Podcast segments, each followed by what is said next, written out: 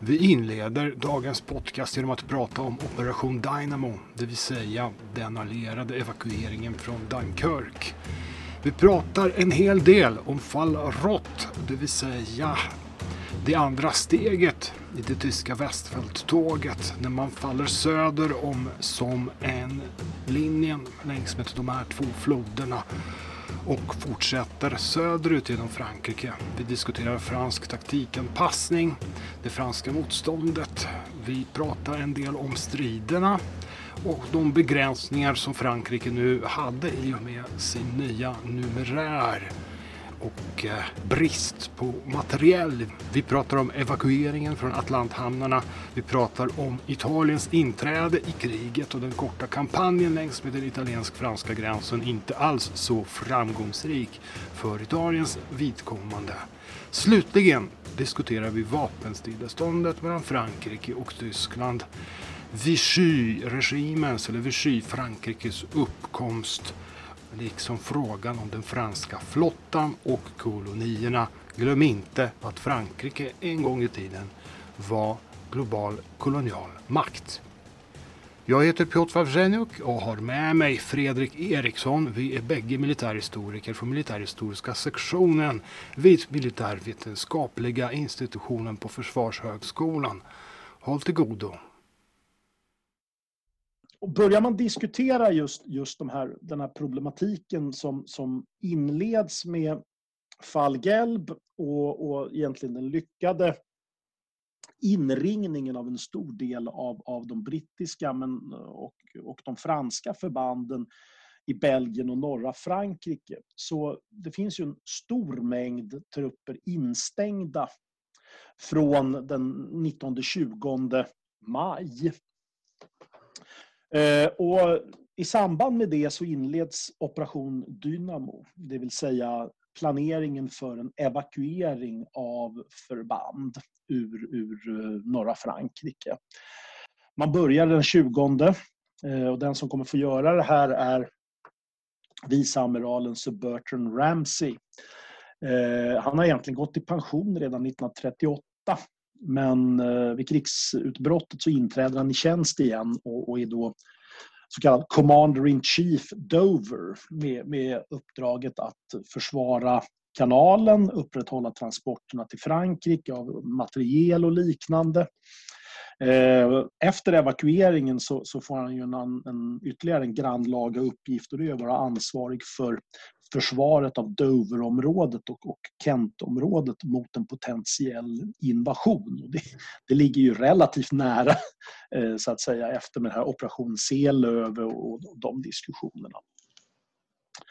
Eh, det man börjar göra i de inledande faserna är att dra samman de fartyg man har inom Royal Navy Eh, men också att, att börja inventera. Man har redan faktiskt en inventering av, det som, av civila fartyg som kan användas inom Royal Navy.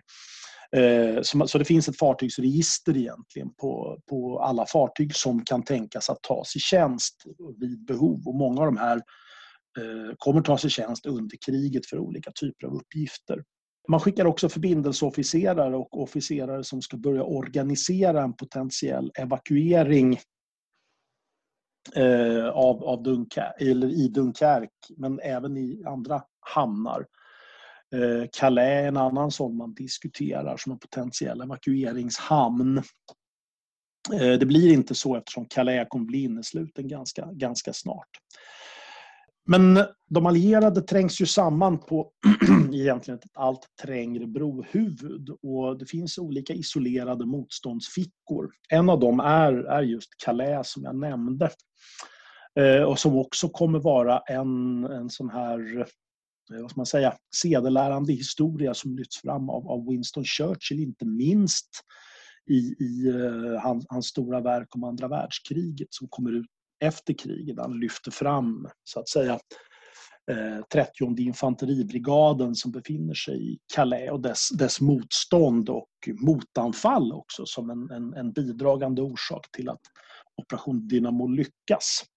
Och som jag sa så är det då 30 infanteribrigaden. Det är en, en man som heter Claude Nicholson som, som är chef för, för den här brigaden. Han, det är han som får order om att att göra motstånd. Men det finns också Eh, brittiska stridsvagnar i Calais som också lyfts fram av Churchill som en, en anledning till att tyskarna blir lite oroade av vad som håller på att hända eh, i omkring Operation Dynamo.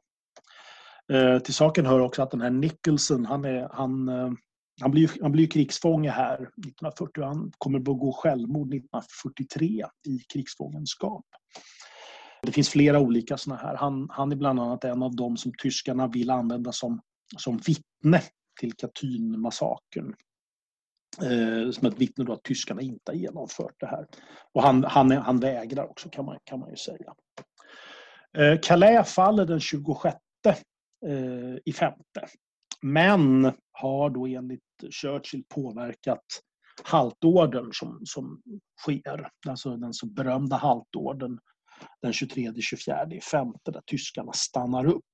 Men det finns flera olika försök att, att bryta sig ut ur det här brohuvudet. Eh, bland annat så genomförs ett anfall den, den 22 i femte där man försöker liksom öppna upp eh, vägen söderut och in i Frankrike, södra Frankrike, eller södra Frankrike ska man inte säga, in i norra Frankrike för att eh, sluta upp i, i den franska frontlinjen. Eh, men man har oerhört svårt att koordinera det med stöd söderifrån och eh, trupperna som man har till sitt förfogande, de förbanden man har, de är ju eh, uttröttade, har tagit stora förluster, brister i drivmedel, ammunition, alla möjliga såna här saker. Så att de här förbanden har lite svårt att, att, att lyckas, lyckas med sin uppgift. Så de här anfallen kommer inte att bli någonting av. Eh, så Operation Dynamo eh, inleds eh, på allvar den 26 femte med evakueringar. Och det, vi har, det finns ju en bild av, av operationen att, att majoriteten av alla de som evakueras, de, de, går ut på stränderna och tar sig ut i fartygen den vägen. Det stämmer egentligen inte därför att de allra flesta evakueras direkt från hamnen eh, och, och, går på fartygen från pirer den vägen. Men det som är eh, komplicerar den här, den här operationen det är ju att eh, eh, det är omfattande hög och lågvatten.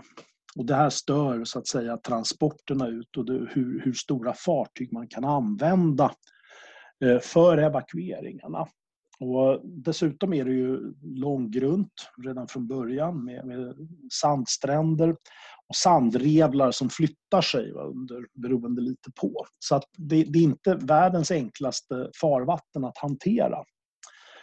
Eh, och större fartyg kan liksom inte ta sig in till, till, till kust utan eh, man måste transportera ut soldaterna med, med mindre fartyg. Och det är här då den här liksom berömda armadan kommer in, där man har kallat in de civila fartygen. Det som Royal Navy eh, sätter in eh, man sätter in ett antal, alltså främst jagare och, och mindre fartyg av olika slag.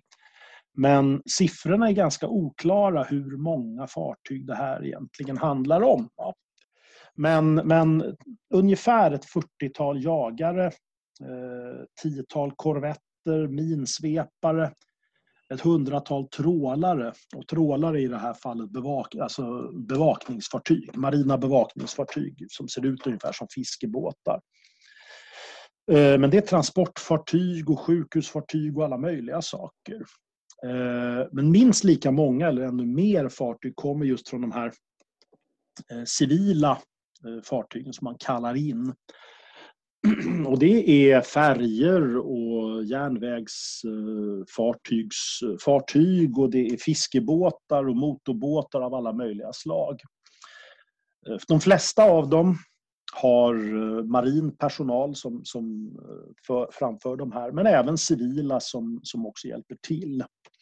Eh, problemet med, med Operation Dynamo det är ju just det här att, att Eh, det, det finns en, en hjältebild av det här skeendet som eh, någonstans färgar hur vi, vi, vi ser på den idag. Och det, det, alltså, det finns en, man kanske har överdramatiserat de civila inslagen, man har, man har överdramatiserat händelseförloppen just därför att det passar så väl in i den här motståndsmyten som, som skapas av, av, av Churchill.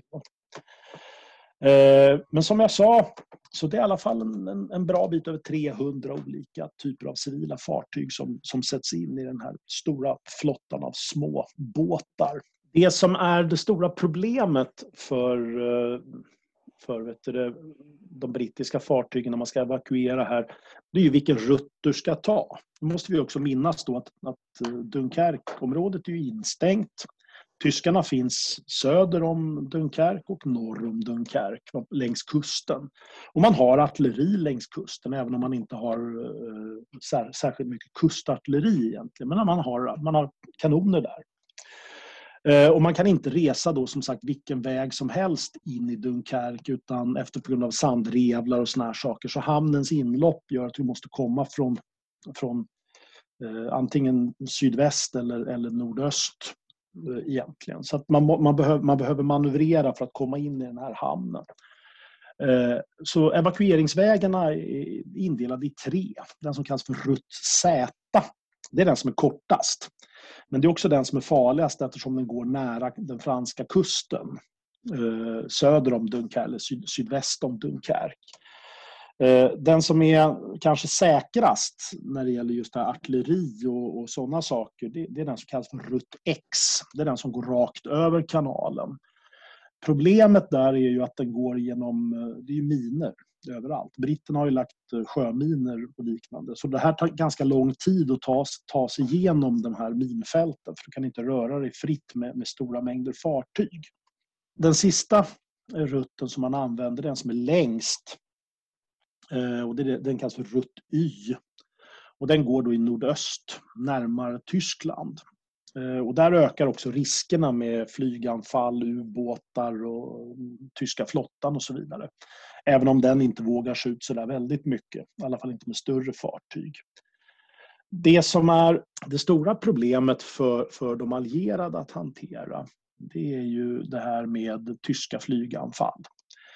Eh, för Luftwaffe anfaller eh, utskeppningshamnarna och även fartygen kontinuerligt. Man bombar också hamnen i Dunkerque eh, den, den 27 femte.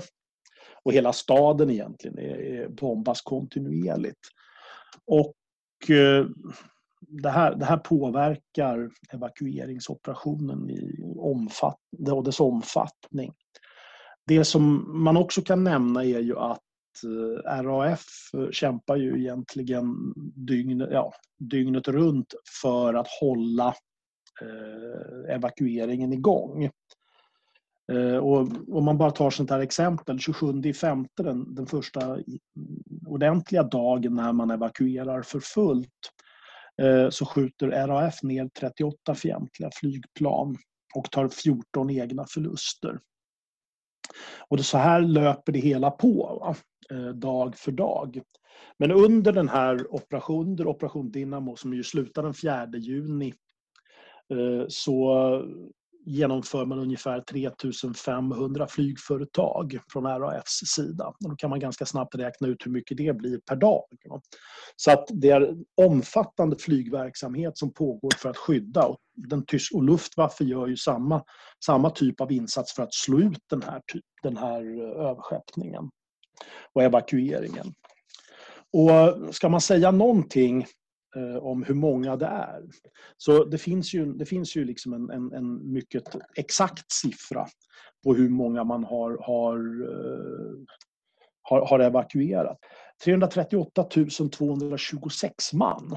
Men av dem så kommer majoriteten, närmare 240 000, hämtar man upp från hamnen medan knappt 100 000 eh, evakueras från stränderna.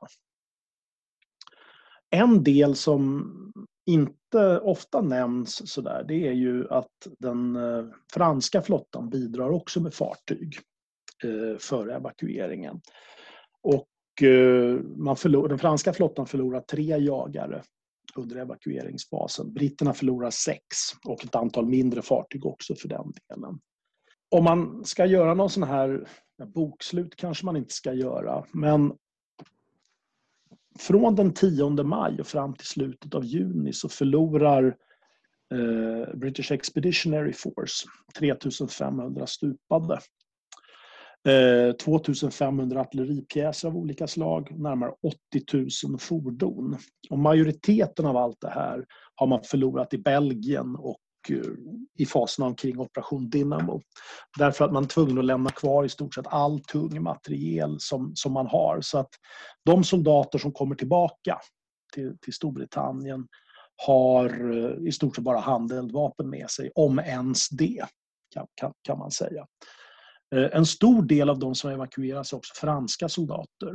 Och de här franska soldaterna skeppas ganska snabbt över till Frankrike igen för att ingå i, försvaret av, av Frankrike igen.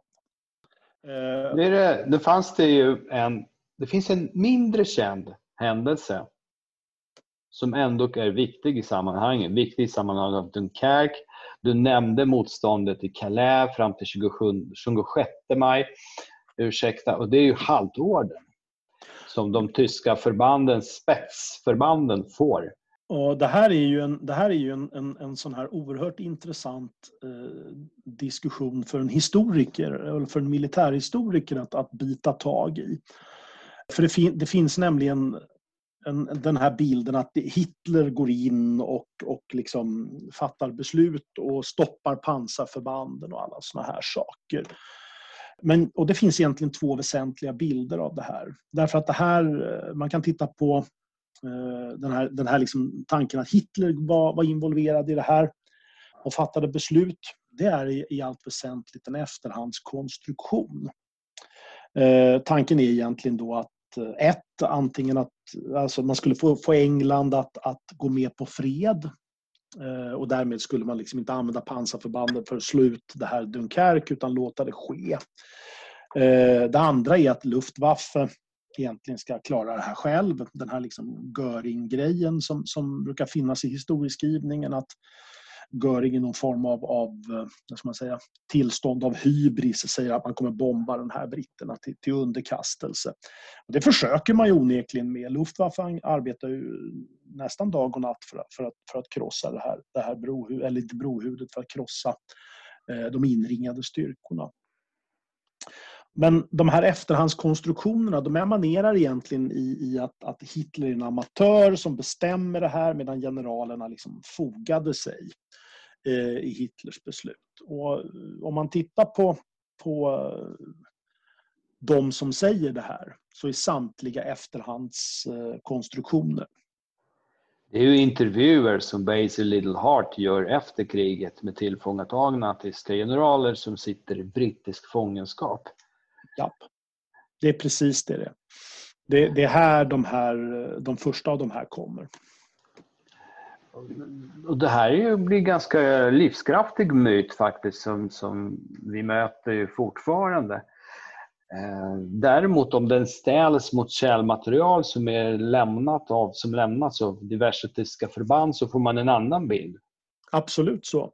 Alltså precis som du säger, Basil Liddell-Hart han skriver ju om det här också. Det här kommer ju ut i, i litteratur.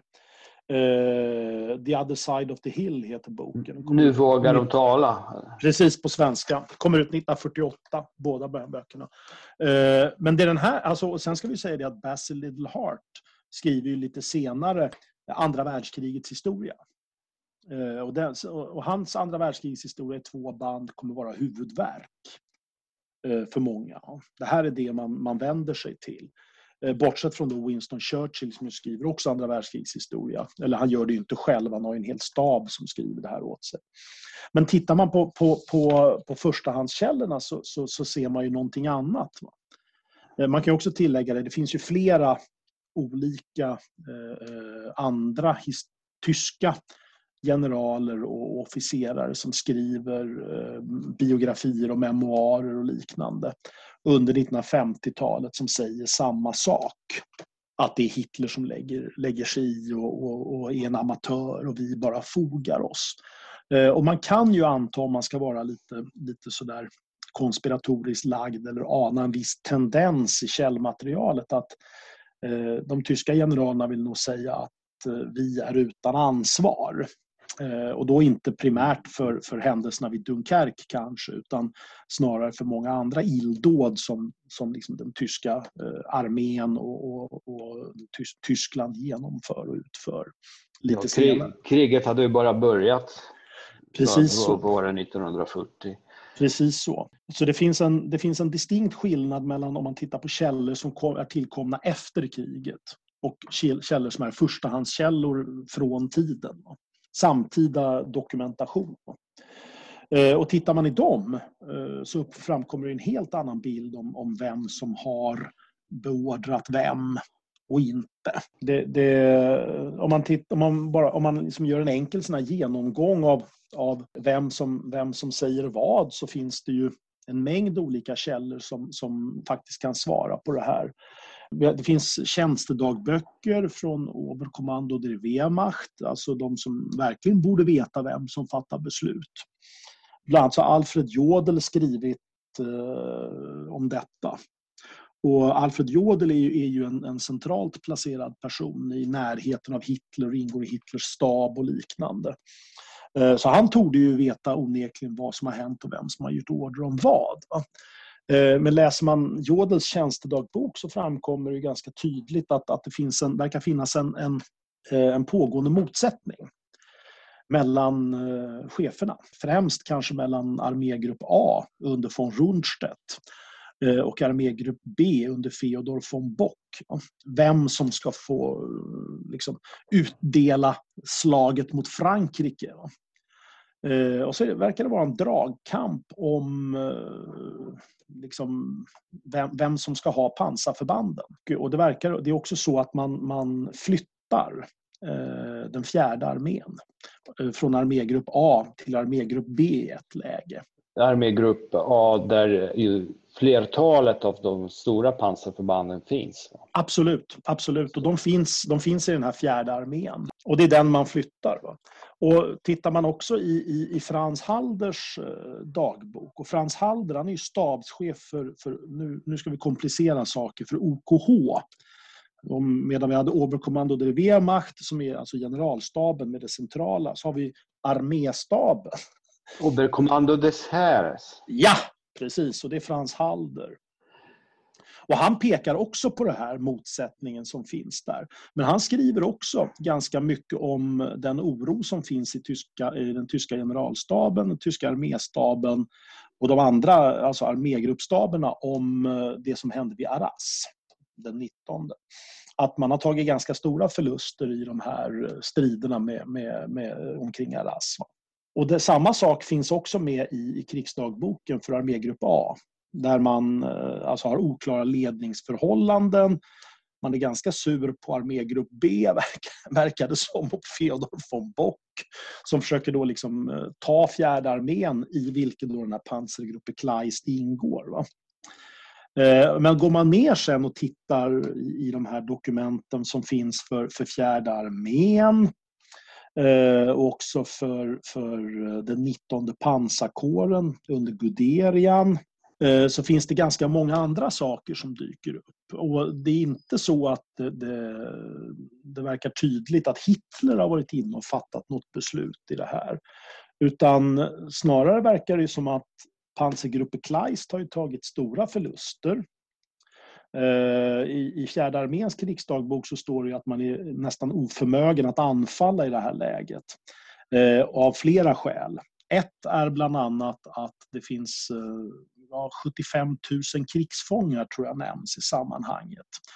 Eh, som då befinner sig någonstans här i en, i en, i en salig röra sammanblandade då med franska och, och, och, brittiska, eller franska och brittiska förband men också franska och belgiska civila som rör sig på vägarna. Så att eh, de tyska förbanden har ett, har ett jädra show att få fram underhåll och drivmedel och sådär. Tittar man också så verkar det som om de tyska pansarförbanden har tagit förluster på uppemot fem, lite över 50, i vissa fall uppemot 75 procent.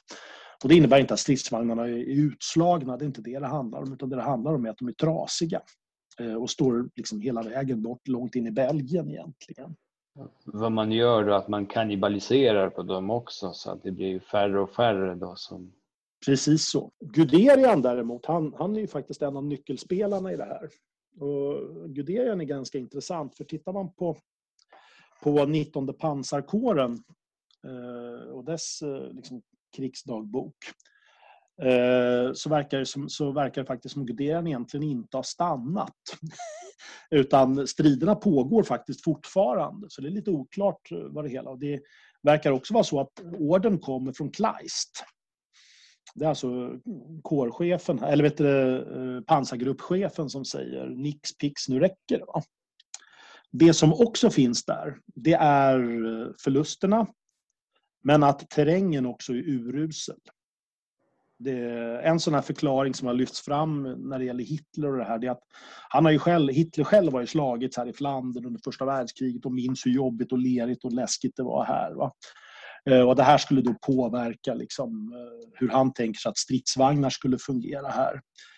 Eh, det, jag vet, det är ingen som vet egentligen vad Hitler tänkte om det. Men, men det verkar inte som om Hitler har lagt sig i beslutsfattandet då, åtminstone. Men även krigsdagboken påpekar att terrängen är urusel Eh, i det här, just här. Guderian säger dock något annat i sina memoarer efter kriget kan man, ju, kan man också påpeka. Då det, slutsatsen är ju den, egentligen den att eh, Hitler inte alls lagt sig i beslutsfattandet här. Utan Hitler har eh, egentligen understött eh, de order som officerskåren själv har gett. Man har stannat med stridsvagnarna eftersom att Eh, man är, de, är, de är uttröttade, man har haft stora förluster, man har inget underhåll, det är krigsfångar och civila överallt. Eh, dessutom så väntar man sig inte en evakuering överhuvudtaget. Det är inte det som man förväntar sig, utan vad man förväntar sig är ett stort utbrytningsanfall. Så man inväntar egentligen att, att britter och fransmän ska börja försöka bryta sig ut här. Så man, man stannar upp för att eh, liksom fånga det här anfallet. Eh, så läget är väl snarast högst kaotiskt i den tyska armén än, eh, än att Hitler lägger sig i det den här beslutsfattandet. Så det finns många delar i det här som är intressanta. Det, det, det tycks vara så att, att orden egentligen utfärdas av Gerd von Rundstedt. Ja, det... som, som, som meddelas läget från de olika cheferna. Men sen mm. bekräftas orden av Hitler för Rundstedt vågar inte riktigt Nej. låta det beslutet gå oförmedlat. Va? Nej, precis. Men sen har vi också den här härliga rivaliteten mellan, mellan von Bock och Rundstedt. Vilket gör att Rundstedt gärna ger lite... Han ger gärna sken av att, av att Hitler har beordrat att det ska vara så här. så att han, det som de använder det här också generellt. Ja, i sig. Va? Fyren säger. Fyren säger, ja. Eh, ytterligare en aspekt, det, det är ju det att eh, sen har vi den aktör som jag nämnt tidigare också, Churchill. Churchill är ju ytterligare en, en spelare i det här som lyfter fram just Calais och motståndet i Calais, att det skrämmer, skrämmer tyskarna. Vi har Arras, det verkar i och för sig finnas i de tyska källorna också. Men Churchill han och, och, och de allierade har ju all, har all anledning att eh, också peka på liksom, eh, det här hur tyskarna agerat och, och, och, så vidare. Så att även de allierade, eller de brittiska källorna understöder egentligen den här Hitlermyten också. Att det, det är Hitler som liksom går in och fattar det här beslutet. Och, och de har varit ganska tydliga, de har varit väldigt viktiga att forma bilden av det här. Ja, du, du har en poäng där, för de är intresserade av att befästa bilden av, av uh, framgångsrik, uh, mm. tekniskt avancerad, uh, nästan oövervinnlig tysk krigsmakt. Yep. Eh, på grund av det som hände och det, att det hände så snabbt. Jag ska berätta om fall Rott, om hur fall Rott inleddes.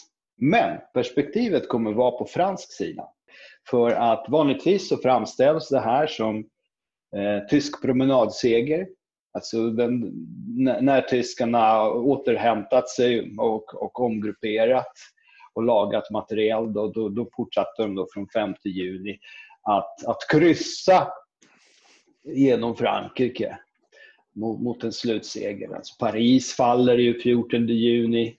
Eh, stillestånd skrivs under eh, 22 juni. Och, och till slut så har vi så slutet på det hela.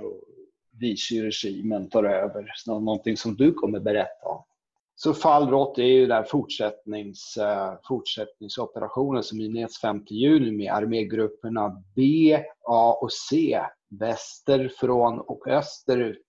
Där C trycker bakom Maginotlinjen som man faktiskt under fallrått kommer att bryta. Och där B är närmast mot eh, Atlantkusten medan A befinner sig centralt då i trakterna mellan Frankrike och Belgien. Man skulle kunna säga så här att det visar sig att Frankrike återhämtar sig och använder sina ganska knappa resurser relativt väl. För numera så besitter Frankrike, inklusive de brittiska och polska divisionerna, så finns det 66 divisioner som kan sättas in i strid mot tyska 104 oaktat då 19 tyska reservdivisioner. Men om Frankrike tar 92 000 förluster, alltså stupade och försvunna i strid, från 10 maj till 25 maj, så tar de 24 000 från 4 eh, juni till 25 juni, när, när krigshandlingarna upphör, alltså under en period av tre veckor. Och det visar också på kvaliteten i franska motståndet och handlandet. Men det visar förmodligen också att det var betydligt färre franska trupper som var inblandade i de här eh, stridshandlingarna. Nu är det så att Frankrike byter ÖB, Vigand, ersätter Gamelin. Vad Vigand gör är att han orienterar sig i läget. Det gör han i dagarna tre. Det försenar ju också motanfallet vid Arras rejält och skapar massa missförstånd. Men en av hans slutsatser är att fortsatta franska motståndet kommer att organiseras längs med flodlinjerna från Somme i väster, från Somme-mynningen söder om Abbeville och sen Ain och så fortsatte det då längre österut och mot det där in i Champagne och mot Maginot-linjen. Eh, och eh, man skulle även i det här fallet man skulle taktikanpassa. Det är vad de gör. Man, man taktikanpassar. Det, för att möta den tyska rörliga krigföringen eh, som man möter. Man bygger upp eh, djupförsvar och det är egentligen eh, inspirerat av det elastiska försvaret som började användas 1917, 1918 på västfronten där paradoxalt nog det var tyskarna som var föregångarna. Det var ju de som liksom uppfann det här. Just som en force multiplier för att de var färre och de måste bemanna ganska långa frontsträckor. Och, och eh, man tog väldigt stora förluster och man hade sig mycket trupp längst fram och så bygger man upp det här med 8 km djup gjorde även tyskarna och det är även de franska eh, ställningarna här under fallrott. Vad säger namnet igelkott dig? Det är ett trevligt litet djur. Igelkott? Ja, alltså jag tänker ju omgående på, på igelkotts försvar eftersom jag är en sån tokig liten kille som jag nu är. För en igelkott, om, om det kniper så vänder ju igelkotten alla taggarna utåt. Och det här då, vegans, eh, en, en del i planen i uppförande av många befästa punkter. Man omvandlar byar, man befäster byar, man befäster bondgårdar. Eh, de, de, de ska vara ömsesidigt understödjande eh, och göra det svårt. Och I och med att de också har viss djup i det här fallet gör de det väldigt svårt för tyskarna att avancera. Eh, framförallt de inledande dagarna är det tämligen svårt för dem. Det finns en likhet i det här egentligen. Det, det, de, den, den tyska armén använder ju samma koncept Eh, Eh, på östfronten efter 1943-44. Alltså man, bygg, man bygger motståndsöar motsvarande som ska understödja varandra och så vidare. Det, finns, det, funger, det används lite här och där, samma typ av, av, av försvar. Med, med, kombination av olika understödsvapen, med kulsprutenästen, med 25 mm, 47 mm pansarvärn. Man uppsätter också upp Eh, vägspärrar, man spärrar av vägar och dessa då i sin tur eh, täcks av eh, divisionsartilleri, 75 mm, 105 mm haubitsar. Han är ute efter att skapa ett nytt djupt och aggressivt försvarssystem. Floderna Somme och Ain de börjar besättas med förband som tillskyndar söderifrån från och med 19 maj. Och de får också i viss mån uppbackning från förband som retirerar söderut med, med högst blandad eh, materiel som de lyckas eh, få med sig. Och eh, lite grann i upprepning av 1914 års också för att påskynda den här överflyttningen eh, av förband från det franska djupet, från, från Alsace, Lorraine, Jura, från Alperna, så rekvirerar man ju också fordon, eh, stadsbussar, taxibilar för att snabbare kunna få fram eh, de här eh, divisionerna och genomföra den här omfattande förflyttningen. Och det är just för att man, man är rädd för att, och det sker också, att tyskarna etablerar brohuvuden på södersidan av de här floderna. Och det sker ju dessvärre på åtminstone tre punkter. Va? Abbeville, Amiens, Perron. Det är just kring Abbeville som, som en av de här ganska omfattande striderna just omkring brohuvudena sker. Därför att veganplanen innebär just att man ska försöka få den, här långs, den tyska framryckningen att bli långsammare så man kan nöta ut tyskarna. Den tyska planen bygger ju egentligen på att, på att, på att fransmännen ska, ska kollapsa politiskt innan Eh, det är så att, att tyskarna själva kulminerar. För det tyskarna absolut inte vill ha det är ju, det är ju någon form av liksom evigt folkkrig som pågår i ett halvockuperat Frankrike resten av eller i flera år. Alltså li, likheten med 1870-71 års krig. Eh, som, som, eh, där, där samma saker egentligen hotar att inträffa. Eh, men åter till Abbeville och, och striderna vid Abbeville som pågår egentligen ungefär, eller ganska exakt samma period som Operation Dynamo pågår. Så evakueringen av, av, av de brittiska och franska förbanden ur, ur, ur fickan norr om eh, sker samtidigt som, som striderna vid Abbeville. Eh, och det finns, alltså, fransmännen har ju organiserat om sin armé. Eh, och de första anfallen, eller motanfallen mot eh, de, den tyska, vad ska man säga, det, det tyska brohuvudet eh, de första tyska förbanden är ju andra motoriserade infanteridivisionen men den ersätts ganska snart i frontlinjen av, av 57 infanteridivisionen. Eh, motanfallet sätts igång eh, den 27 eh, och då av retirerade franska eh, stridsvagnsförband ur, ur andra eh, lätta kavalleridivisionen understödd då också av en underställd brittisk pansarbrigad. Eh, men de större anfallen sker framåt den 28-29 juni när ett av de här eh, just reservförbanden. Där. För fransmännen har ju organiserat sina, sina stridsvagnar främst som infanteriunderstöd. Men det man gör just under den här faserna i, i sen, sen maj, tidig juni, att man börjar organisera eh, stridsvagnsdivisioner lite ad hoc på, på, på basis av det man har. Man har ju ganska mycket stridsvagnar och man har ganska bra stridsvagnar också för den delen. Men ett av de här förbanden som organiseras det är fjärde, fjärde kurassiär, eller reservkurassiärdivisionen under befäl av, gissa vem? Jo, Charles de Gaulle givetvis. Så Charles de Gaulle är chef för den här eh, sammansatta divisionen som kommer att anfalla eh, brohuvudet vid Abbeville. Han har 137 stridsvagnar till sitt förfogande av olika typer ska, vi, ska man ju lägga till. Eh, ett 30-tal är av den tyngre typen, eh, Char B1. Men sen har han en mängd andra typer av stridsvagnar också. Det som är det stora problemet för fransmännen i det här fallet, det är just eh, bristen på infanteri. Man har brist på, på motoriserat infanteri, men generellt har man brist på infanteri som kan, kan liksom understödja stridsvagnarna och liknande. Det här hänger ju samman med att en stor del av elitförbanden de har blivit kvar i Belgien. Precis. Antingen sitter inneslutna eller så har de blivit bekämpade eller irrar omkring.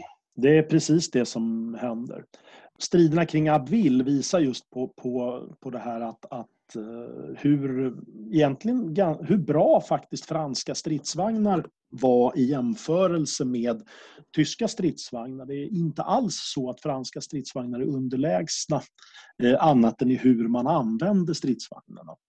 Eh, det som det här också illustrerar ganska tydligt det är ju att de tyska pansarvärnspjäserna, de här 37 mm pansarvärnspjäserna som man använder, PAK 36 som de heter, Eh, de klarar inte alls att eh, slå ut de här franska tunga stridsvagnarna. Eh, man kan också notera då att den här tyska 37 mm pjäsen den är inte alls olik den, den, den svenska Bofors modell 34 i svensk tjänst. Som är i stort sett en, en, en likartad pjäs med likartad prestanda. Och det här illustreras också i striderna den 28, 29 och 31, 30 och 31 maj. Där det tyska pansarvärnet faktiskt har, har, har, stora problem med att slå ut franska stridsvagnar. Och då dyker en annan sån här eh, ikonisk, eh, ett ikoniskt vapensystem upp eh, och, bör, och börjar användas på, på ett lite annat sätt. Eh, och det är eh, 8,8 centimeters cm flak 18, det vill säga den berömda tyska 88 i dess grundutförande. För det här i striderna kring Abil så, så, finns det som är flak Abteilung eh, 64 som har just den här eh, 88 mm kanonen. Och det här, det är liksom, man vet ju mycket väl att de här fungerar alldeles utmärkt mot, även mot stridsvagnar. Eh, man använder också fälthaubitsar, som, eller fältkanoner som, eh, eh, som pansarvärn under de här striderna. Det är intressant att du säger det, för att fransmännen kommer att göra det så småningom också med den klassiska 75 mm fältkanonen när, mm. när det kniper. Det är något de lär sig under tiden. Då. Nej, nöden, det... nöden har ingen lag. Nej, men absolut så. Man skjuter, man skjuter spränggranater på stridsvagnar och hoppas att de ska välta och såna här saker. Alltså, bara, bara för att få stopp på dem. Alltså, så Om, själva obehaget av att sitta, liksom, det, det är ändå... Det slår, sönder, det slår sönder riktmedel och, och, och prismon och såna här saker. gör att du liksom, du, du, de, stridsvagnen blir liksom oanvändbar av andra skäl. Va? Även om den kanske inte är utslagen. Men, men det man kan säga om de här striderna det är ju det att eh, fransmännen eh, lyckas slå ut ungefär hälften av de tyska förbanden eh, och trycker dem tillbaka. Det är främst 217 infanteriregementet ur den 57 infanteridivisionen som får stryk här. Men eh, de franska förbanden lyckas inte följa upp sina framgångar med att, med att sluta. Och dessutom har man tagit ganska stora förluster. Och det beror just på den här bristen på infanteri. Man har liksom inte infanterister och artillerister nog för att, för att liksom upprätthålla eldhastighet men också för att hålla tagen terräng. Och det tyska motståndet är segt, det tar lång tid. När, när vi börjar gå över i skiftet maj-juni så är ju de franska förbanden i stort sett utmattade. Eh, men det börjar också synas ganska tydliga tecken på, på defaitism Eh, bland fransk, franska soldater och franska högre chefer. Även om det nog inte gäller chefen just för fjärde reservkurassiärdivisionen. Utan där, det, där, han, de Gaulles stridsvilja är nog eh, obruten än så länge. Det är också, om vi tittar på de franska förbanden längs med Somme och en så har de en ganska dålig, de har dåligt underrättelseläge. De vet inte så mycket alltså om de tyska truppkoncentrationerna, framförallt inte på längre än en mils då, djup. Eh, och det beror eh, mycket på dålig flygspaning, där då det franska flygvapnet efter sin autonomi 1933 har eftersatt flygspaningen en hel del. Och sedan senhösten 39 tror jag bestämt så har man också förbud mot att spana djupare än 11 kilometer in. Vilket ju hindrar eh, de franska cheferna från att ha någon form av överblick. Så man, man är förlitad på det man ser, det man hör och de eh, eventuella fångar man kan ta. Fångarna blir ju rätt många inledningsvis, där 5, 6, 7 juni. Efter att Fallrot har, har satt igång. Eh, men eh, det är ju det är allvarliga problem här för, för fransk del, eh, där också divisionschefer de sitter långa tider ovetande om vad som händer omkring dem. där de inte kommunicerar så här läget och ledningen och inte heller får någon, någon styrning att tala om. Till ljuspunkterna på den franska sidan så hör faktiskt att, eh, det har, att, att franskt flyg presterar mycket bättre än under inledningsfasen, under fall Gelb. Där man genomför eh, en hel del, både bombföretag, jaktföretag.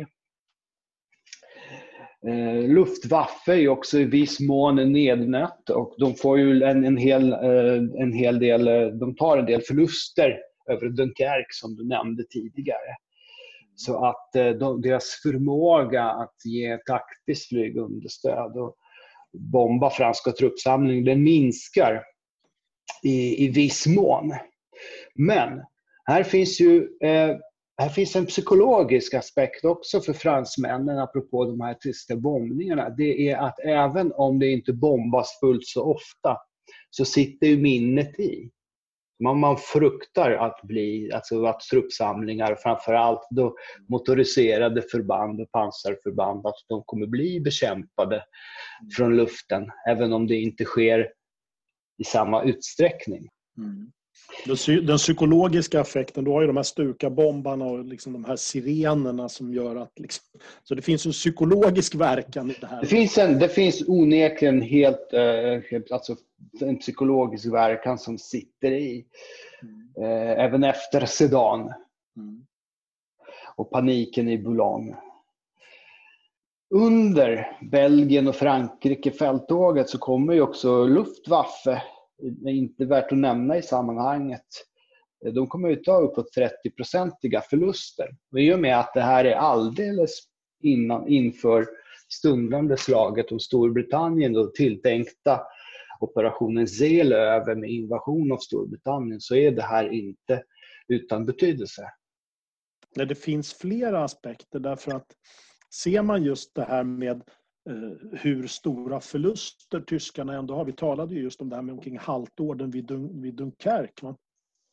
23-24 där man, ah, vi måste spara på vårt pansar inför fälttåget vidare söderut och samtidigt invänta ett potentiellt motanfall.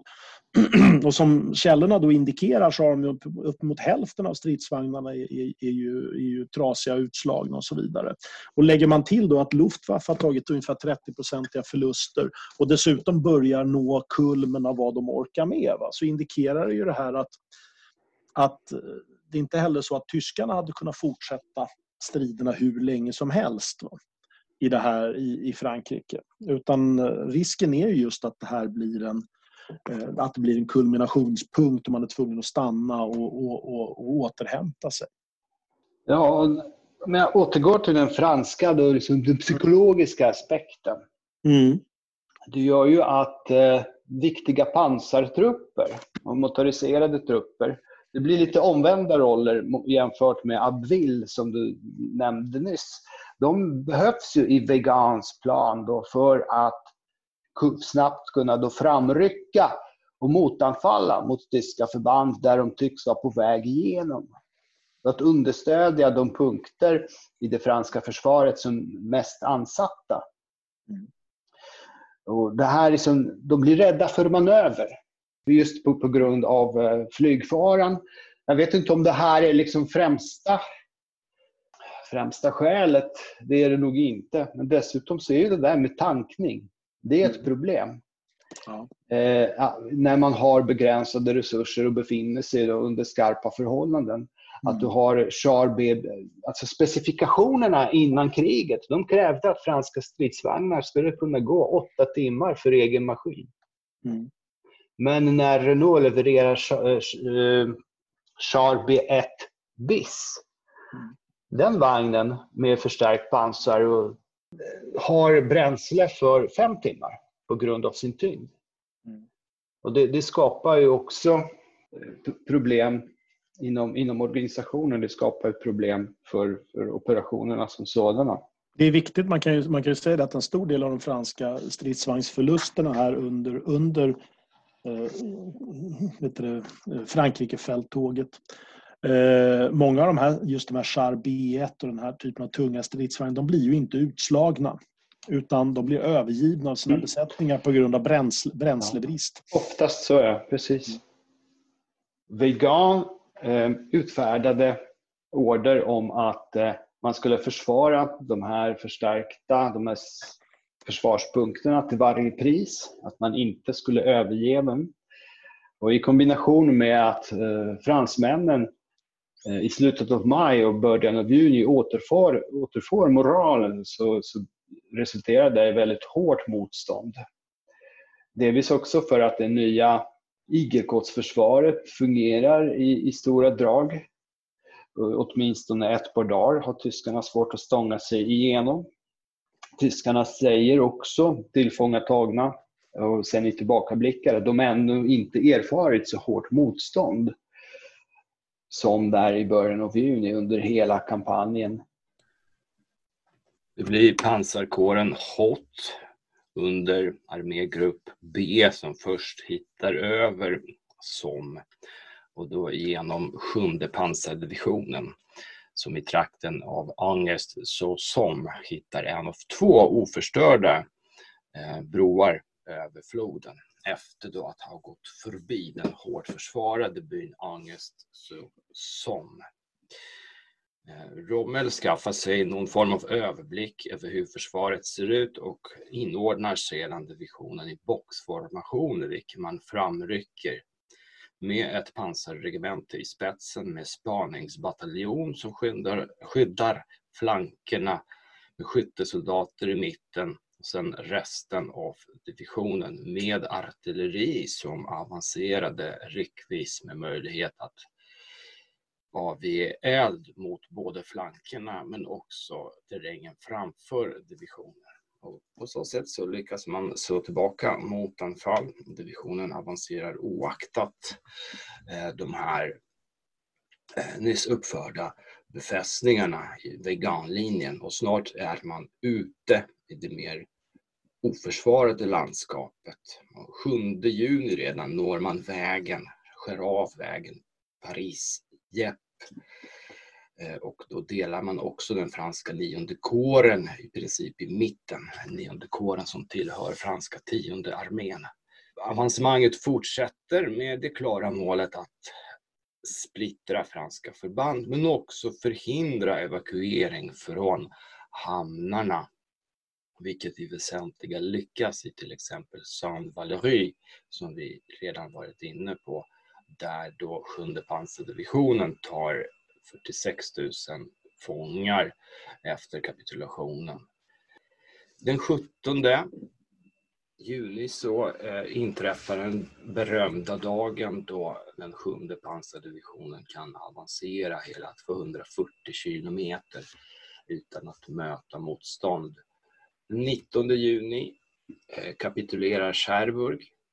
Pansardivisionen liksom hela pansarkåren HOT kommer att befinna sig djupt inne i västra Frankrike och avsluta västfälttåget eh, långt ner till söder i, vid Atlantkusten. Eh, I I fallrott så engageras faktiskt eh, hela den tyska styrkan. Det är inte bara de spetstrupperna så, så, så, att säga, utan det är hela samlade tyska styrkan av pansar, motoriserat infanteri, infanteri och artilleri som används för att bryta igenom, vilket tyder ändå på att det här var hyfsat fungerande koncept. Eh, även nu om sig brist på pansar och på manöverförmåga och kanske också där med att man placerar ut pansarförband från fransk och lite ad hoc eftersom man ju har så dålig underrättelseläge att man inte riktigt vet var det bäst att placera dem.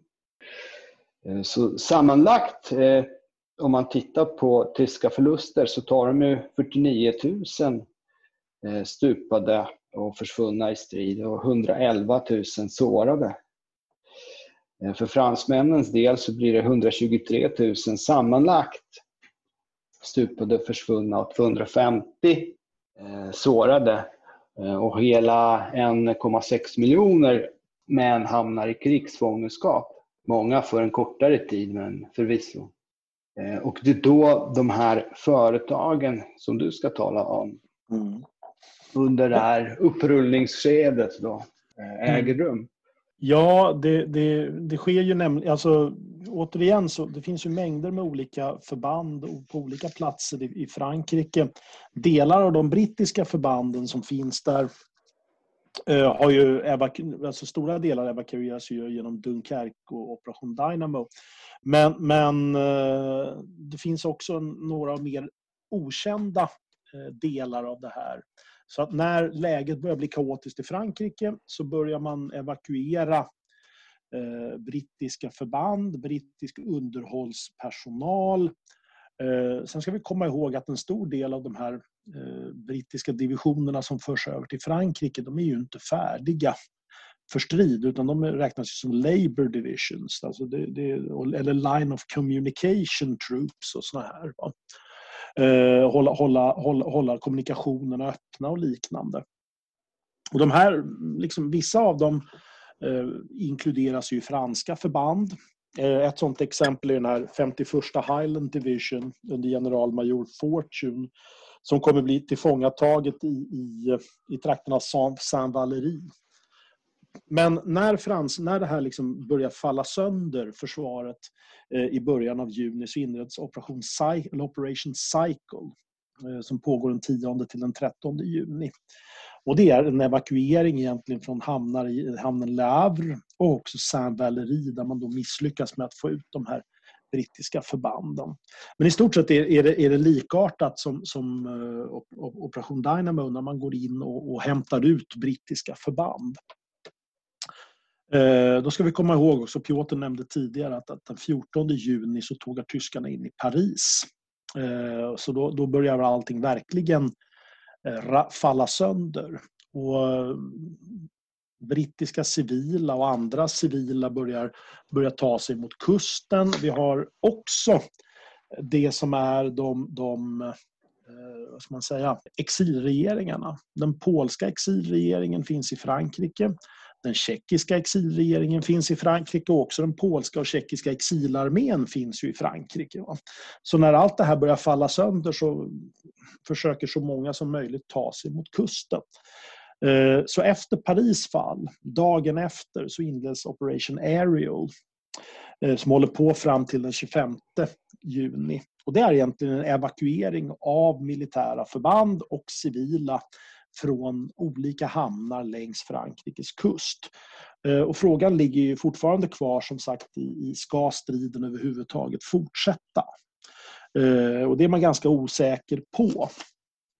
Eh, det finns ju nämligen en sån här diskussion om, om, omkring eh, redutten eh, Bretagne. Va? Ska det vara så att man, man försvarar Bretagne med brittiska och franska förband och understödjer och underhåller det från Storbritannien samtidigt som man låter tyskarna liksom försvinna söderut. Va?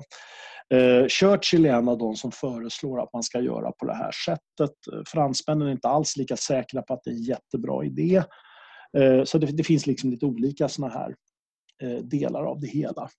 Eh, så under Operation Ariel så handlar också en stor del om att få ut eh, RAF-förbanden, alltså flygförbanden. Främst vad det gäller markpersonal och alla de delarna. Flygplanen kan ju flyga över till Storbritannien men, och det gör de också, en, en stor del av dem. Det handlar egentligen om, om främst om, om lätta bombare och andra såna här saker, alltså markunderstödsflygplan som flygs ut och går ut över, över hamnarna i Nantes och Saint-Nazaire eh, och i Saint-Malo och Cherbourg. Så det, det, är där man tar ut de, de eh, markpersonalen för, för stora delar av RAF. Eh, det finns också brittiska bombförband, flyg, bombflygförband i södra Frankrike. De heter Haddock Force. Och det, det, de är, flygs dit egentligen när Italien går in i kriget för att man ska, man ska bomba Italien, den italienska industrin tänker man sig från södra Frankrike. Och det här är, är en del i vad ska man säga, Storbritanniens stöd till Frankrike. För det finns ju pågående diskussioner hela tiden mellan, mellan brittiska regeringen. Och nu är det ju Churchill, Churchill tar ju över som, som krigsledare och premiärminister den 10 maj. Eh, och den 13 maj så hålls ju det här talet eh, Blood, Sweat and Tears brukar det ju säga fast egentligen är det ju Blood, Toil, Tears and Sweat. Så det är en viss skillnad på, på ordföljden men, men det där är en återkommande, eh, återkommande ordval i, i Churchillska tal. Så nu kan man ju säga att, att en, en, en, en riktig krigare har tagit över i jämförelse med, med, med Neville Chamberlain och de här smått pacifistiska herrarna. Eh, men trots allt så kräver, kräver ju fransmännen att britterna ska stödja med flyg. Och Haddock Force är en sån.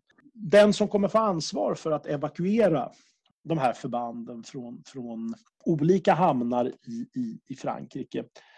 Eh, han kallas för Commander in Chief Western Approaches. Nu har vi ju talat om, om eh, chefen för Dover Force, men här är Western Approaches. Det är amiralen Sir Martin Dunbar Naismith, ännu en med ett fantastiskt namn kan man ju tillägga att han, eh, han, han la till Dunbar på 20-talet. Han, han är inte född i Dunbar. Eh, han är ubåtsman från början. Tjänstgjort bland annat i Medelhavet under första världskriget och eh, försökt att sänka, eller sänkt fartyg omkring Ottomanska imperiet och, och Gallipoli-fälttåget och liknande. Från Cherbourg, Saint-Malo, Brest, Saint-Nazaire, Nantes, La Palisse, Bordeaux, och andra hamnar längs den franska kusten så evakueras mängder med, med civila och militärer. Eh, närmare 145 000 britter, 24 000 polacker, 18 000 fransmän och 5 000 tjecker. Eh, så hela den polska exilregeringen, och vi har också polska fartyg här, två stora transportfartyg, en som heter Sobieski och en som heter Batory, som deltar i, i, i evakueringen. Så en stor del av den polska exilregeringen och exilarmén förs över till Storbritannien under de här operationerna. Och detsamma med tjeckerna. De här kommer ju spela en, en, en, eh, en viktig roll eh, under slaget om Storbritannien. Just de tjeckiska och de polska piloterna. Eh, jaktpiloterna som kommer slåss. Nu har vi ju diskuterat ganska mycket om, om händelserna vid kanalen och, och hur de tyska förbanden når dit och, och, och, evakueringen av brittiska och franska förband. Men Piotr, vad är det som händer längre österut? Om jag ska som kortast resumera så vad vi har ju längre österut, det är armégrupp A under Gerd von Rundstedt och sen har vi längs med Siegfriedställningen inne i Tyskland har vi armégrupp C under Wilhelm Ritter von Leeb. Och den 9 juni sätter armégrupp A igång. Inklusive den nyskapade pansargruppen Guderian. Eh, och eh, sätter av eh, söderöver.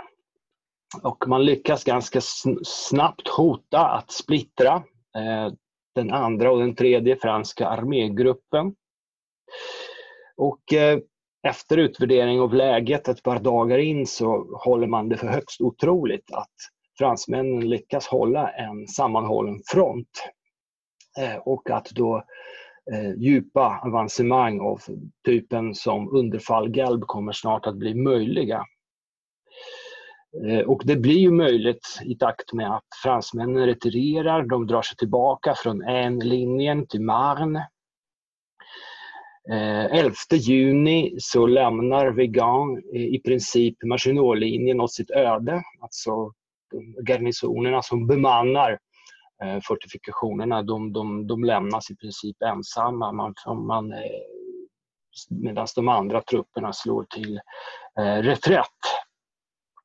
Och den 17 juni så eh, anfalls eh, Maginotlinjen av eh, förband ur sjunde armén, armégrupp C. Eh, däribland eh, är de underställda med ganska tungt artilleri, bland annat något som får mina ögon att tåras, 240 mm och 280 mm pansartågplacerat artilleri. Man har även med sig tyngre pjäser som 305 mm och 355 mm haubitsar, vilket kan vara nog så nödvändigt i det här fallet. Och man lyckas bryta igenom ganska eh, snart här. och det gör man på flera andra ställen längs marginalsträckningen. Samtidigt så avancerar pansargruppen Guderian längs med Marndalen. Så man lyckas faktiskt innesluta det som är kvar av den franska andra armégruppen i en ganska stor ficka med, med, med armégruppens rygg då mot Maginot-linjen. Eh, efter att eh, Guderian når Portaler vid schweiziska gränsen och på så sätt innesluter dessa. Så det är väl det som eh, avgör det första skedet av det som händer eh, längre österöver. Och samtidigt så hotas ju Paris också och lämnas av eh, den franska regeringen i takt med att armégrupp B och armégrupp A avancerar söderut. Eller hur? Absolut. Eh, det man kan säga är att, att den franska regeringen lämnar ju Paris den 10 sjätte och först så, först så tar man sig till, till staden Tours och sen så lite senare längre söderut till Bordeaux. Eh, och eh, egentligen kan man, kan man ju säga att när regeringen lämnar Paris så, så börjar luften gå ur fransmännen på allvar. Eh, och några av de aktörerna som vi har, eh, som, som kommer bli viktiga eh, i den här processen eh, finns nu i den franska regeringen. Petain har man ju tagit in i regeringen den 18 maj. Han har tidigare då varit ambassadör i, i Francos Spanien. Men en av tankarna är just att, att uh, hjälten, eller ja, Verdöns lejon som han kallas med jämna mellanrum. Eller hjälten från Verdun ska bringa någon stadga i, i, i försvaret och liksom vara en viktig symbolfigur. En annan som har kommit in i krigskabinettet är eh, general de Gaulle. Han eh, kommer in i krigskabinettet den 5 juni. Och det är efter då striderna i, omkring brohuvudena vid, vid, vid Somme, alltså vid Abbeville och det här. Så att eh, nu kommer aktörerna som, som kommer bli viktiga längre fram att, att, att spela roll. Eh, en annan aspekt av det här är ju att eh, Italien börjar röra på sig. Ända fram till, till eh, början av juni så är det ganska oklart var man har Italien. Och eh, I slutet av maj, den 25 maj, så, så kontaktade den brittiska utrikesministern Lord Halifax eh, Italien Eh, genom ambassadör. Man vill att Mussolini möjligen ska försöka medla eh, mellan Frankrike, Storbritannien å ena sidan och Tyskland å sin sida. Och Italien har ju, har ju haft den där rollen tidigare. Man har varit en av, en av de viktiga aktörerna i, i München-överenskommelsen. Eh, eh, men också en viktig aktör i, när det gällde Anschluss av Österrike tidigare. Och, så, att, så att Mussolini är inte alls ovillig att, eh, att möjligen ha den här rollen. Men den tionde i sjätte så, eh, så, så, har, så har den italienska regeringen, eller Mussolini, Mussolinis krigsråd, eh, bestämt sig för att eh, det är dags för Italien att gå in i kriget. Eh, och det viktiga då är att man befarar att Frankrike kommer falla samman alldeles för snabbt eh, för ens egna eh, syften. Och man vill finnas med i krigsförhandlingarna på den segrande sidan. Eh, syftet är primärt att, att öka sitt, sitt inflytande i Afrika, fler kolonier. En sån här tanke som finns är att försöka länka samman Libyen och Etiopien, det vill säga genom Sudan. Och det konkurrerar direkt med de brittiska intressena i regionen. Men det man tänker sig också som sagt är att, att erövra södra Frankrike. Eh, och ska man säga någonting om, om den, den, fransk, eller den italienska eh, krigsmakten så eh, ända fram till mitten av 30-talet så är de eh, synnerligen moderna och Eh, några av de mest utvecklade och liknande. Ett modernt flygvapen, en, en eh, relativt, relativt ska man säga, modern flotta. Eh, och relativt välfungerande. Men man har någonstans stannat i utvecklingen kan, man säga omkring mitten av 1930-talet. Så när, man, när kriget nu börjar komma allt närmare 1940 så, så är den italienska krigsmakten inte alls redo för krig. Eh, den, den, italienska armén är exempelvis de har svagare förband än, än de flesta andra arméer. Deras infanteridivisioner består av, av två infanteriregementen istället för tre.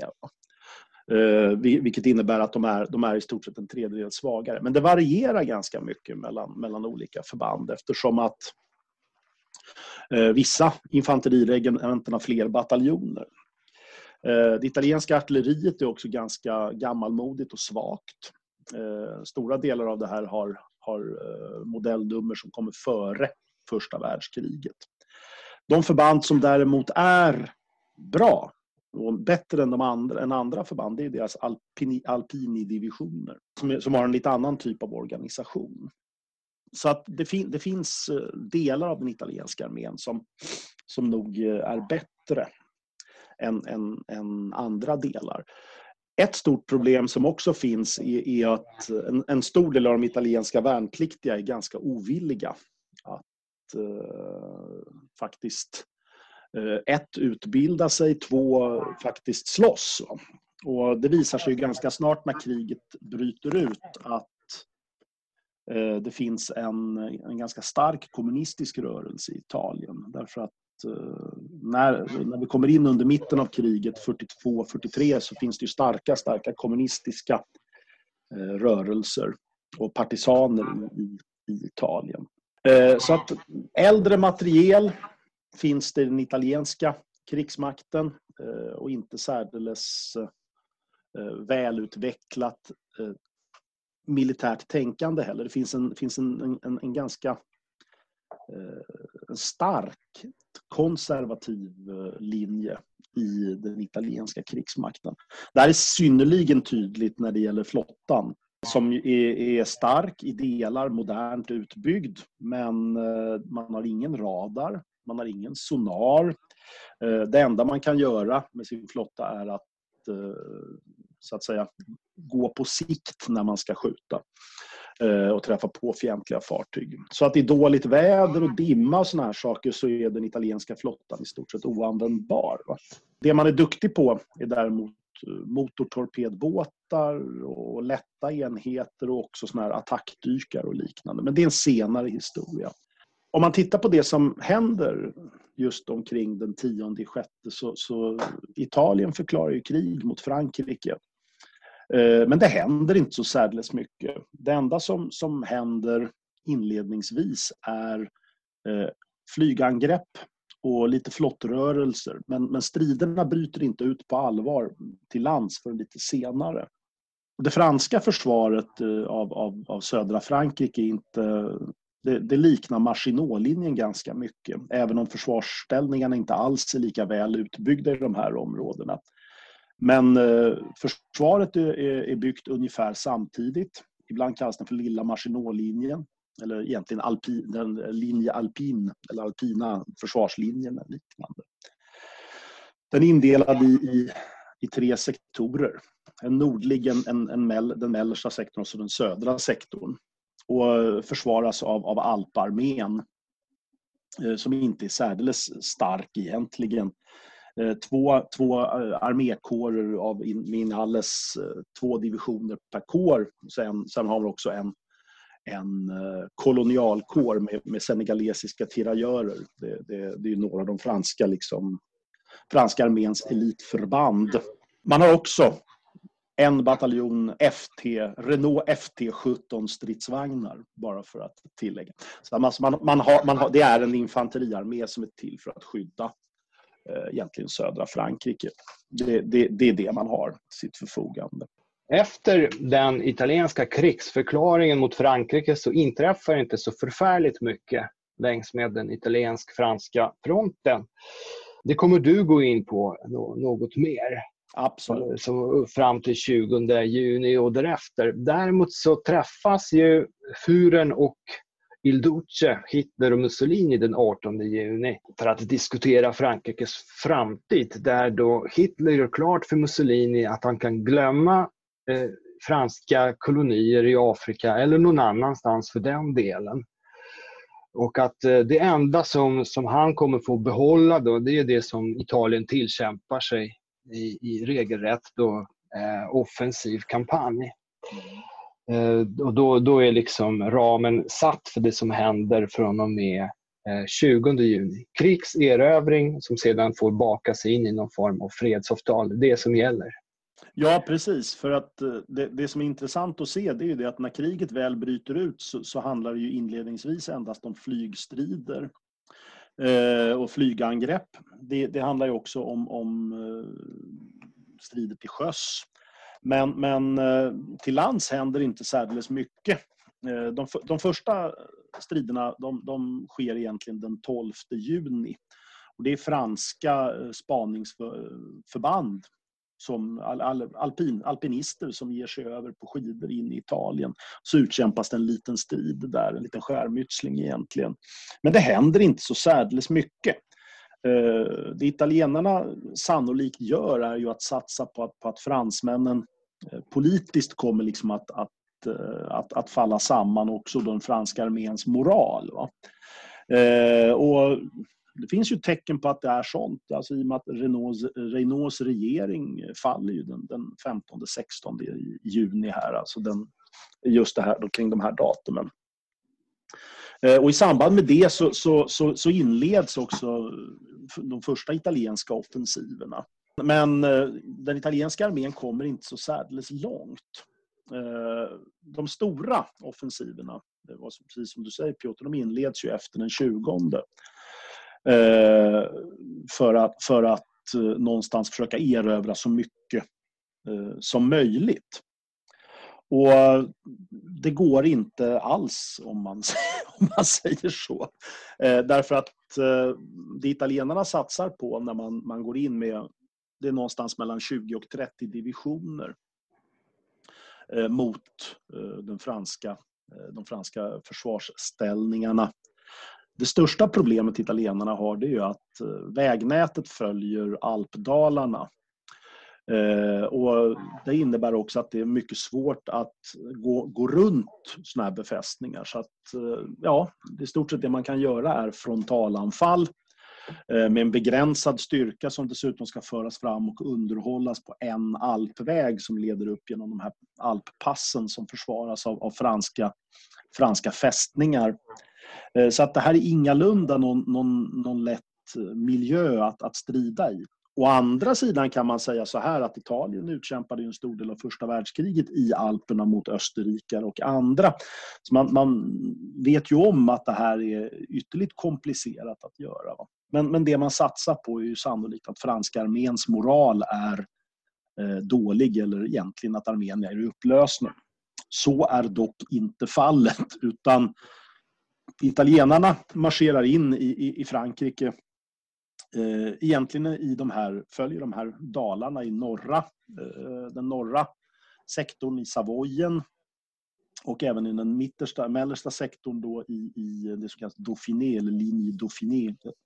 Och eh, även i söder mot eh, Nissa-området och Nice. Eh, som ju tidigare varit, varit en eh, italienskt och tillhört huset Savoyen om jag inte missminner mig. Men så på marken så händer inte så särdeles mycket. Italienarna kommer in i Frankrike ett antal kilometer men det är inga stora områden som man lyckas erövra. Eh, I luften så finns det, ja, det genomförs ganska många bombflygföretag från den italienska sidan. Bland annat mot Frankrike men i ganska hög utsträckning också mot Malta för Malta är en, en, en viktig faktor här som en brittisk koloni under den här tiden. Eh, och flygstriderna är, är periodvis ganska intensiva. Eh, det den franska, det franska flygvapnet gör under den här perioden är mest att skydda egna baser och, och, och liknande. Men under invasionen mot, eh, av Frankrike så genomförs sju, lite över 700 bombuppdrag. Eh, men, men förlusterna är ganska begränsade på båda sidor. Kriget till sjöss händer inte heller så mycket inledningsvis.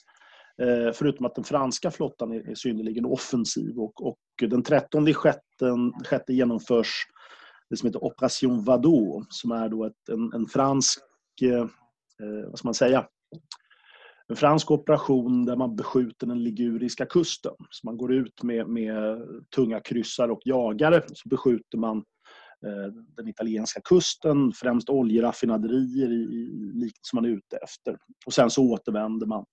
Eh, egentligen utan egna förluster. Men det, det, är den här typen av strider som, som, som sker. Och det, det är egentligen små skärmytslingar. Eh, det blir som sagt en vapenvila mellan eh, Italien och Frankrike den 25. Och eh, då kan man ju någonstans göra ett bokslut då på, på eh, vilka förluster har man tagit och vilken, vilken terräng har man tagit. De franska förlusterna, siffrorna varierar ganska mycket från källa till källa men, men det, det, är under 50 stupade på fransk sida. Eh, något hundratal sårade och, och så vidare. De italienska förlusterna de varierar också mellan olika källor, men omkring 600 stupade. Eh, cirka 2500 sårade. Eh, och bara för att illustrera hur komplicerad den här miljön är så, så den italienska armén får också utöver de 2500 sårade 2000 man eh, som, som skadas av, av förfrysningar. Så att, eh, och då är vi ändå framme i maj. Så att det, här, det här är ingalunda en enkel operationsmiljö. Eh, men i slutändan så, så är det här en, ett, kan man säga, ett stort nederlag för, för Italien eftersom att det man lyckas erövra är staden Nice eh, och några små delar av, av de franska alpdalarna. Men det, det är kilometer vi talar om. Det är mycket, mycket små områden. Eh, sen, lite senare under kriget, så kommer italienarna ockupera Savoyen och Provence och Korsika. Men det, det är först 1942 som, som, Italien blir en ockupationsmakt av just de här områdena. Och då är det inte så att de, de är avträdda till Italien. I och med att du alldeles nyss nämnde vapenstilleståndet mellan Frankrike och Italien som faktiskt undertecknades 24 juni och inte 25. Jag förnekar, jag förnekar all kännedom om det här. Ja, det är tur att du har mig som, som reder ut fakta. Det är fantastiskt. Men eh, det är värt att ta upp tråden där och avrunda med eh, uppkomsten av det som kom att bli ihågkommet som Vichy-Frankrike. Vichy-regimen Nej, det, fin det, finns ju, det finns ju så, så många olika delar av, av det här. Men, och dessutom så illustrerar det så väl de politiska motsättningar som har präglat Frankrike under 1930-talet och under, under tredje republikens tid. Därför att Petain är ju, är ju, han är ju en krigshjälte från första världskriget men, men det är inte så att Petains karriär fram till slaget vid Verdun är helt okomplicerad. Därför att Petain är ju en, en ja, vad ska man säga, stockkonservativ, eh, klerikal, katolik som i det republikanska Frankrike inte alls har några större framgångar. Så att han, han är politiskt kontroversiell eh, på många sätt. Eh, och, men det innebär inte att Vichy-regimen som vi känner den eh, redan från början är en, en pseudofascistisk eh, stat, utan tvärt, tvärtom. Va? Eh, men alldeles i de här faserna när den franska regeringen faller samman, så alltså det är ju starka motsättningar i, i den franska regeringen. Där vi har, där vi har alltså, där Paul Renault periodvis är för att man ska sluta en, en vapenvila med, med Tyskland. Eller att man ska fortsätta. Ett, en sån här sak som man, man för fram som ett alternativ det är ju den, eh, den holländska lösningen som man kallar det. Det vill säga att den franska armén kapitulerar i, i moderlandet men kriget fortsätter i kolonierna så att man har liksom inte gett upp striden även om, om slaget av Frankrike är, är, är är förlorat. Det, det, det, rimmar lite med det som de Gaulle hävdar lite, lite, också i, i, i de här, under de här dagarna. Eh, men, men Renault han, han lämnar ju och Petain tillträder. En annan jätteviktig fråga som, som man diskuterar här, det är ju den franska flottan. Var ska den franska flottan finnas? Eh, och, och eh, den måste undanhållas från tyskarna det är, en av de, och det, det, är en diskussion som förs mellan britter och fransmän om nu Frankrike skulle, skulle gå med på vapenstillestånd eller, eller diskussioner därom. Eh, och då kommer en annan aktör in. Eh, när amiralen François Darlan, som ju inte är heller en, en helt okomplicerad person eh, i sammanhanget. Så vi har, vi har ett, ett, ett helt, eh, en, hel, en hel grupp med, med, med personer här som, som eh, spelar, en, spelar en viktig roll. Men eh, det blir, det blir Petains linje med vapenstillestånd som är det som gäller. Så, så den 22 i sjätte så undertecknas eh, vapenstilleståndet. Men det som då inträffar det, det är den här diskussionen om, om, om legitimitet egentligen. Eftersom att eh, de Gaulle har ju har redan lämnat Frankrike och befinner sig i Storbritannien. Och de Gaulle, han, han, han proklamerar ju att eh, just det här att slaget om Frankrike är förlorat men att kriget fortsätter. Eh, hans appell den 18 juni eh, är, är en sån. Men han har också, och det, det mer välkända radiotalet den 22 i sjätte. Och symptomatiskt nog så lämnar han Frankrike när Petain blir premiärminister. Men det är inte alls självklart att det är de Gaulle som kommer bli eh, ledaren för, för, eh, för det fria Frankrike. Och det är också så att fria, det fria Frankrike är inte man säga, politiskt legitimt. Utan det, de, de som har den politiska legitimiteten och är det officiella Frankrike, det är Vichy-Frankrike och Pétain-regeringen. Så det är därför som, som eh, alla stater har relationer med, med Pétain Frankrike. För det, det, är det som är Frankrike. Och lite senare så, så upplöses ju den, den tredje republiken men, men, och då erkänner Sverige och USA och alla andra erkänner just Petains Frankrike som varande Frankrike. Eh, och ja, just, just de Gaulle är, är, ju oerhört intressant i sammanhanget. Eh, och som, som, som du sa Piotr, så, så, han lämnar ju eh, Frankrike när Pétain tillträder, det vill säga den 16, den 16 juni. Och samtidigt så finns det ju brittiska försök att Eh, ge den franska regeringen lite råg i ryggen. Och ett sånt försök som är, som är politiskt ganska intressant det är egentligen det här erbjudandet om en, om en fransk-brittisk politisk union som utsträcks eh, till den franska regeringen just i det här tillfället. Eh, och det är, syftet är då just att, att få Frankrike att, att inte gå med på ett vapenstillestånd eller ens bör inleda förhandlingar om detta. Så det, det kan man säga är en sån där, den där intressant Eh, faktor i sammanhanget också. Att, att Storbritannien är villiga att gå ganska långt för att eh, bibehålla Frankrike eh, som en allierad. Och i strid för att det skulle ju ge dem mer tid. Det är ungefär som i fästning Bretagne, eller det, det du tog upp tidigare. Ja, det, det, alla de här sakerna sam, mm. hänger samman. Alltså att från brittisk sida så gäller det att hålla Frankrike i strid. Va? Eh, och det är precis också i de här faserna som, som diskussionen om okay, vart ska den franska flottan ta vägen. Eh, och den lämnar ju också hamnarna i södra Frankrike och stävar mot, mot Algeriet. Så, så att den, den, den franska medelhavsflottan befinner sig i Algeriet när, när vapenstilleståndet väl tecknas. Eh, och det, det som är intressant, vi sa ju också det här att, att, att Vichy är ju det som blir Eh, det officiella Frankrike.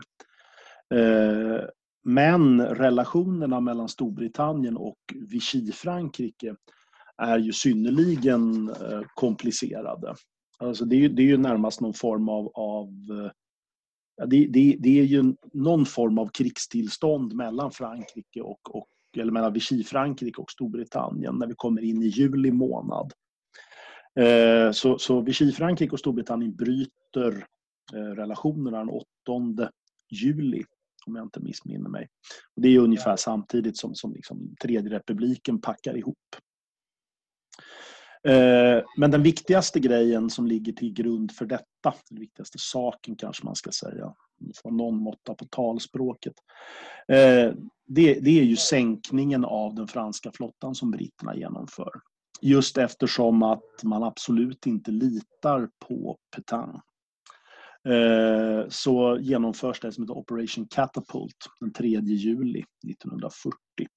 Och det är att den brittiska medelhavsflottan Eh, sänker den franska motsvarigheten i, i Mersel Kibir i Nordafrika.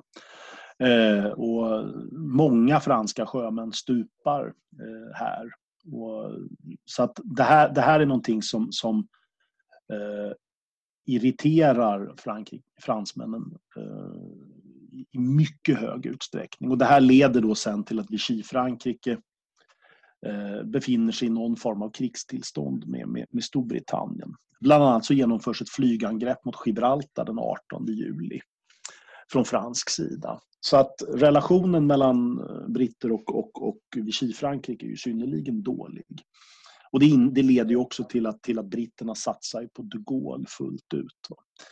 Det här är en oerhört komplicerad men, men också oerhört intressant situation som uppträder i, i, i Vichy-Frankrike. Och det, det, det, det, man också ska säga, bara som en avslutning, det är att det är ingalunda givet de här dagarna i, i slutet av juni, början av juli att Vichy-Frankrike kommer utvecklas till, till en, en, en fullfjädrad nazikollaboratörstat. Det, det kommer stegvis un, under den här resans gång. Det man däremot kan säga att Petain Eh, det, det, han står för, den här liksom, tanken om nationell revolution eh, och liknande. Han har sån här, en slogan som är Travail, famille, patrie och såna här saker. Så den här mer konservativa eh, katolska, religiösa. den är inte helt olik det frankoistiska, liksom den, fran, den frankoistiska ideologin. Den full, fullfjädrade kollaboratörstaten Vichy, den börjar vi se lite längre fram under kriget med Pierre Laval och alla såna här andra personer det blommar väl för fullt ut då från november 42 när tyskarna besätter, de ockuperar hela Vichy-området. Det är efter att eh, amerikanerna och britterna hade invaderat Nordafrika. Mm. Och då är inte Vichy-regimen lika intressant längre. Nej, och det, det är också för att eh, det, det, tyskarna tvivlar ju lite på, på de Vichy-franska eh, tjänstemännen för ganska många av de här eh, kolonierna i Afrika. Inledningsvis är det ju bara någon, e-, någon, någon som ställer upp på de Gaulles sida i det inre av Afrika om jag inte missminner mig. Men ganska snart när britterna börjar stödja de Gaulle och man genomför ett antal såna små operationer och, och, och, så vidare så vänder ju de här kolonialtjänstemännen och, och kolonialarmén ganska snabbt. Vissa håller fast vid Petain, andra gör det absolut inte. Eh, utan ganska snabbt går man över till, till, till det fria Frankrike. Så att eh, under, under hösten 1940 och under 1941 så, så ganska många av de här ter, franska territorierna går över till Vichy. Eller från Vichy till, till, till det fria Frankrike.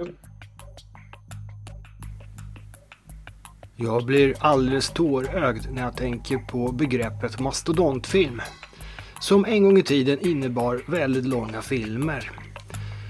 På samma sätt var den här podcasten något av podcasternas Ben Hur, men någon gång måste det vara den första gången. Tack för att ni lyssnade. Militärhistoriska sektionen hälsar så mycket medan vi närmar oss sommaren. Innan dess ska vi bjuda på den jägarförbandspodcast nummer två som vi nu funnit Arrivederci.